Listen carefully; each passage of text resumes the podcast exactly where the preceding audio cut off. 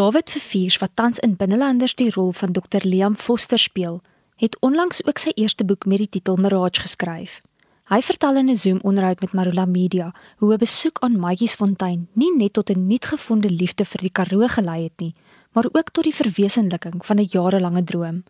Hoe het dit gebeur dat jy vir 'n meestersgraad ingeskryf het in kreatiewe skryfkuns? So dit was eintlik iets wat ek nog my hele lewe wou doen. Dit was my eerste droom voor ek 'n akteur wou word, wou ek 'n skrywer word.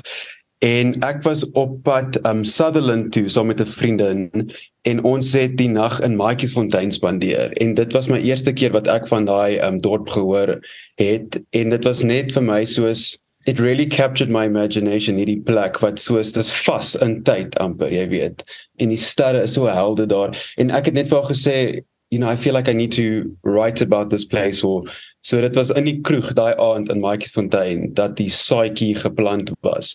Yeah after that i applied to UCT and i did it under Damon Galgut but the promise geskryf het en hy die boekeprys vir dit gewen.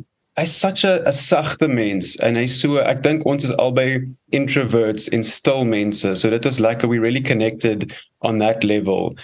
Hy het my baie gehelp net especially in the beginning because those stages it's so difficult you know at, to start and alles niks maak sin nie en jy weet nie waar die boek wil gaan nie he was just like a consistent presence that said you know just keep at it keep on it'll eventually come clear so i really just appreciated his gentleness and his sensitive approach which I really connected with. I mean, he taught me that the only thing really that separates a good book from a bad book is just to keep going. Jy weet om net aanhou te skryf en dit uit te kry and just going back oor en oor. Hoeveel van die skripsie wat jy ingegee het, moes jy verander het toe jy dit in 'n boek omskep of kon jy regtig dit net so publiseer? Nee, so dit was eintlik bietjie korte. Ek dink dit was 60000 woorde vir die meestersgraad en dan vir die published version dit was ek dink 80 of amper 80. So ek moet dit net bietjie groter maak. En ek dink ek het bietjie van die karakters develop to sort of work the themes in a little bit deeper. Maar die skeleton was daar van die begin. Ek kon voel toe ek die meeste klaar gemaak. It wasn't where I wanted it to be yet. Even not that one's ever satisfied, maar ek het net gevoel die karakters daar was meer en meer stories en hulle geskiedenis wat meer uit kan kom. So I was glad I could develop it a little bit and Damon stayed with me even after the masters. Hy was nog steeds daar vir my. So that was a really honor to have him at my side. Ja, die Bitroman Mirage word beskryf as 'n metafisiese misterie, metaphysical mystery. Kan jy dalk net kortliks bietjie verduidelik wat is die genre en wanneer moet 'n storie voldoen om uiteindelik in hierdie genre geplaas te word? Toe ek geskryf het, ek het nie regtig aan 'n genre gedink nie. So dit was net dit was die storie op daai oomblik wat ek gevoel het ek wou lees. You know, they say like write the story you want to read and I just felt you know there isn't a lot of literature really set in South Africa that has to do with like the stars and the plants and all the things that I'm interested in. So I'm like, you know, let me make it myself. Mirage gaan oor 'n uh, you know, it's this old trunk that's dug up um and there there's this remains of a baby and it's from the 1800s. So it's sort of like a historic there's a historical thread to it almost a I wouldn't say like a crime mystery, but there is a death and you don't know why there's a death. But at the end for me, daai goed is belangrik, maar dit gaan eintlik meer oor Michael die hoofkarakter se persoonlike reis and his journey mm-hmm. into make sense of the world for himself and his own past and his own loss. Vir my is Mirage, it's an investigation into hoe ons sin maak van verlies and how we put the events of our lives into something meaningful the way that we put the stars into like a constellation for example. Wat verlies wou jy verwerk? Was daar iets wat jy ook graag, jy weet, pad wat jy gestap het vir verlies veral omdat dit 'n so 'n tema is wat jy verwerk, wat jy wou verwerk in hierdie roman? Ja, ek dink daar's 'n paar verliese in my lewe and I think you know this inevitable as jy 'n uh, mens is, gaan daar soort van 'n tipe verlies in jou lewe wees of dit nou 'n dood is of 'n break-up of you know 'n friendship wat nie gewerk het nie maar vir my was dit ek dink die groot verlies was my ma wat oorlede was toe ek 3 was aan borskanker. And i think i only realized that halfpad deur die roman dat dit is eintlik iets waarmee ek nog steeds moet werk. Want ek 3 is baie jonk jy weet en ek het net soos hazy memories van haar. But I think that still makes a huge impact on your life without you realizing it. Even though I was so young. So I think that was a groot ding. You know, and there've been like some breakups and some friendships and stuff, but I think all those small losses also remind you of the greater loss in your life of losing a parent at that age. So I think ja, dit was manier om vir my sin te maak van al daai goed and how we then carry on and what stories we tell ourselves so that we feel that there is meaning in our lives.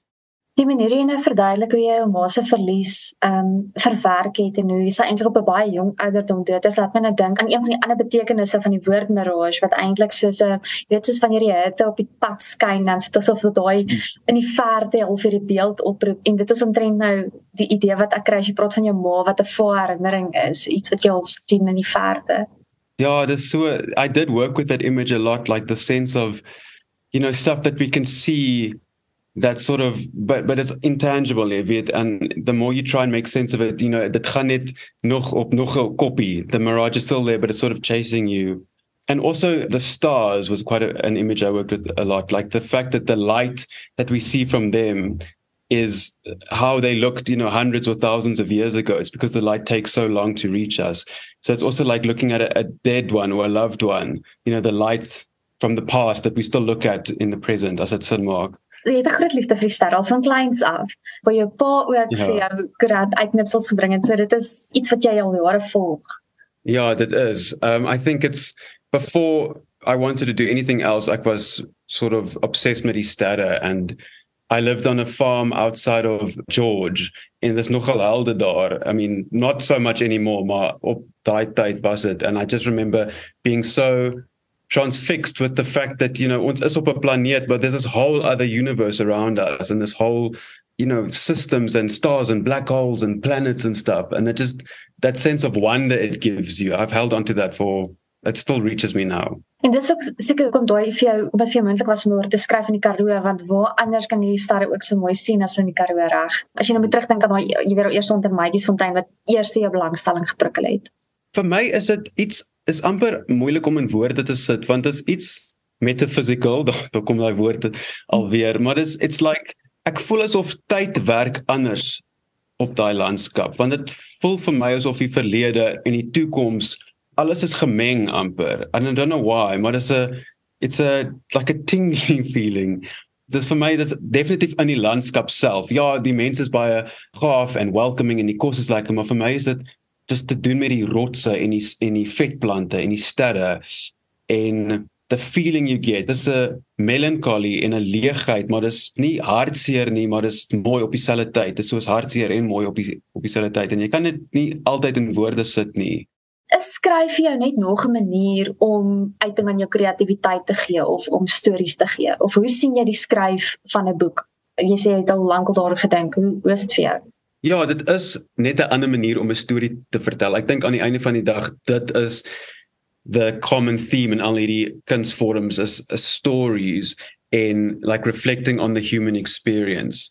And I think all these different aspects het gee net 'n ander facet to it. So dis lekker om bietjie te skryf en dan te act want dit is ook dis ook anders. It's a much more lonelier process than acting because mm -hmm. acting is all about connecting with the person opposite you and the people you know on the stage or sharing the scene with you maar is ook meer it's like you get to journey with inside yourself more i find which is also mm -hmm. nice maar i think yeah this it's all different branches of the same tree for me Jy speel op die oomblik in die rol van Dr Liam in Binnelanders. Kom ons gesels 'n bietjie daaroor. Dis omtrent nou 'n jaar wat jy in die rol is, van verlede jaar April af as ek nie mis is nie. Vertel my gou wat jou ervaring en hoe is dit vir jou tot dusver? Geniet jy die rol? Ja, die ding is vir my is die mense is regtig wat dit lekker maak. Ja, die mense hierso die akteurs en die crew en die directors, almal is net so such wonderful people. En ek weet almal sê jy, jy weet Joburg mense is anders, maar ek het dit regtig ervaar toe ek want ek kom van die Kaap af. So ek het vir die rol nou Joburg toe getrek. Maar die mense het dit regtig lekker vir my gemaak. En dis 'n moeilike medium 'n CP. Jy weet, as enige iemand iets sê van 'n CP, ek sê kom probeer dit eers, jy weet. First come try it, want dit is baie moeilik en dit is vinnig en jy moet op dit wees. So ek leer nog steeds baie. I'm still feeling like I'm working out exactly jy weet hoe dit werk. But that's good. I'm still challenged. Ja, en dit is goed vir my Afrikaans ook, want obviously Engels is my eerste taal, so ek my Afrikaans verbeter elke dag. Wat sê die kykers oor jou rol? Wil jy baie van hulle want klink vir my vir hulle soms so 'n bietjie ontstel. nee, ek doen uh, veral in die begin toe hy hy was 'n baie moeilike pasiënt. Hy het uh, in die hospitaal as 'n pasiënt begin en hy was baie onbeskof met almal en dan was hy 'n bietjie verslaaf op pynpille. So shame, Liam het dit nog 'n rowwe tyd gegaan, maar ek dink hy's besig om die mense se harte oor te wen. Maar ek weet nou op die oomblik is daar nog 'n bietjie van 'n moeilike storielyn met alkoholverslawing en ek weet ek nou me, gaan mense weer bietjie kwaad vir my wees maar jy weet dis -hmm. dis hoe dit gaan jy weet elke ja. karakter kan you know the happy sunny karakter wees Waar werk jy nog op die oomblik of hou die CP jou heeltyd besig Ja, op die oomblik is dit die CP is nou my eerste prioriteit. Ek probeer om om aan te hou skryf, maar ek het vergeet die eerste the first jy weet beginnings van 'n roman is die moeilikste. So dis nog 'n bietjie van 'n proses, maar ja, dis die CP ek probeer ook ander Suid-Afrikaanse skrywers lees en ja, myself besig te hou met sketch comedies wat ek aanlyn doen, maar ek sou sê die CP is my eerste calling op die oomblik.